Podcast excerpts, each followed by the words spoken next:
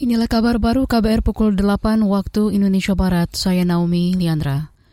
Saudara, pemerintah memperpanjang masa pemberlakuan pembatasan kegiatan masyarakat PPKM Jawa Bali selama sepekan ke depan terhitung sejak 18 Januari hingga 24 Januari 2022 mendatang.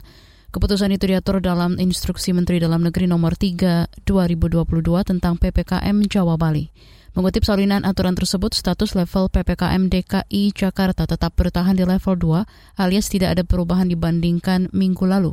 Status PPKM DKI Jakarta sebelumnya diperkirakan bakal mengalami kenaikan setelah angka kasus COVID-19, utamanya Omikron terus meningkat.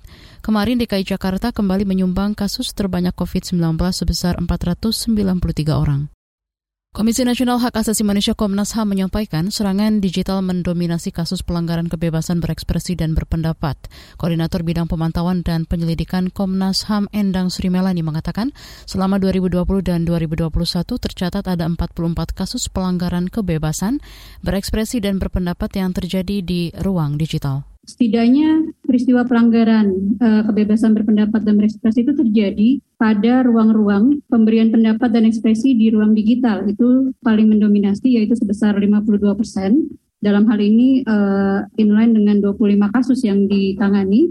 Endang menuturkan jenis-jenis pelanggaran kebebasan berpendapat di ruang digital itu terjadi dalam berbagai bentuk, antara lain berupa pembajakan akun atau hacking, pembeberan identitas pribadi doxing, serangan hoax, serangan buzar, serta gangguan diskusi di media daring atau Zoom bombing, dan gangguan dari nomor telepon tidak dikenal atau spam call. Forum Masyarakat Peduli Parlemen Indonesia Formapi menilai pembahasan rancangan Undang-Undang Ibu Kota Negara RUU IKN terlalu cepat dan minim aspirasi publik. Peneliti Formapi Lucius Karus mengatakan kondisi itu bisa menjadi bumerang bagi pemerintah dan DPR jika masyarakat menggugat RUU tersebut.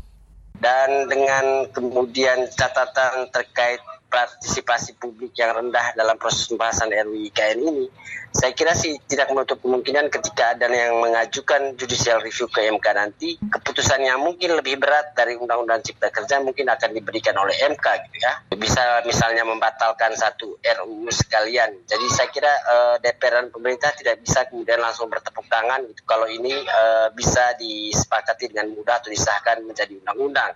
Peneliti Formapi Lucius mengingatkan jika RUU IKN yang minim partisipasi publik itu tetap disahkan bakal menjadi presiden buruk untuk proses pengesahan rancangan undang-undang ke depannya. Bukan hanya itu menurutnya, kepastian hukum dari sebuah peraturan akan semakin lemah jika peraturan induknya memiliki banyak celah. Demikian kabar baru KBR. Saya Naomi Liandra.